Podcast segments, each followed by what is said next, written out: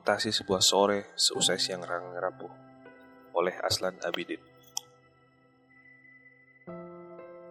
Seusai sebuah siang yang rapuh, aku bertanya padamu, bagian mana dari sore ini yang pernah mencatat pertengkaran kita? Dari radio tetangga selalu mengalun lagu cinta. Tapi mengapa rindu tetap saja kau simpan dalam vas bunga?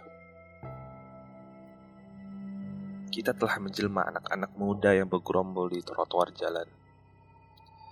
Dengan t-shirt bergambar Raja Justinius dan tulisan Man Behind Kelly Qualik. Tapi dermaga, oh dermaga. Tidakkah kita terus-menerus berperahu tanpa pernah berpikir tentang sebuah dermaga? Tempat kita mengenang sepetak halaman di waktu silam yang melukis dengan cermat masa kanak kita. Tempat kita bermain petak umpet dan membayangkan cakrawala yang memeluk matahari dari ancaman malam yang suka merebut mainan kita. Memang semua itu telah menjadi dulu. Sekarang banyak hal yang bercerita kepada kita bahwa orang tidak selamanya kanak-kanak.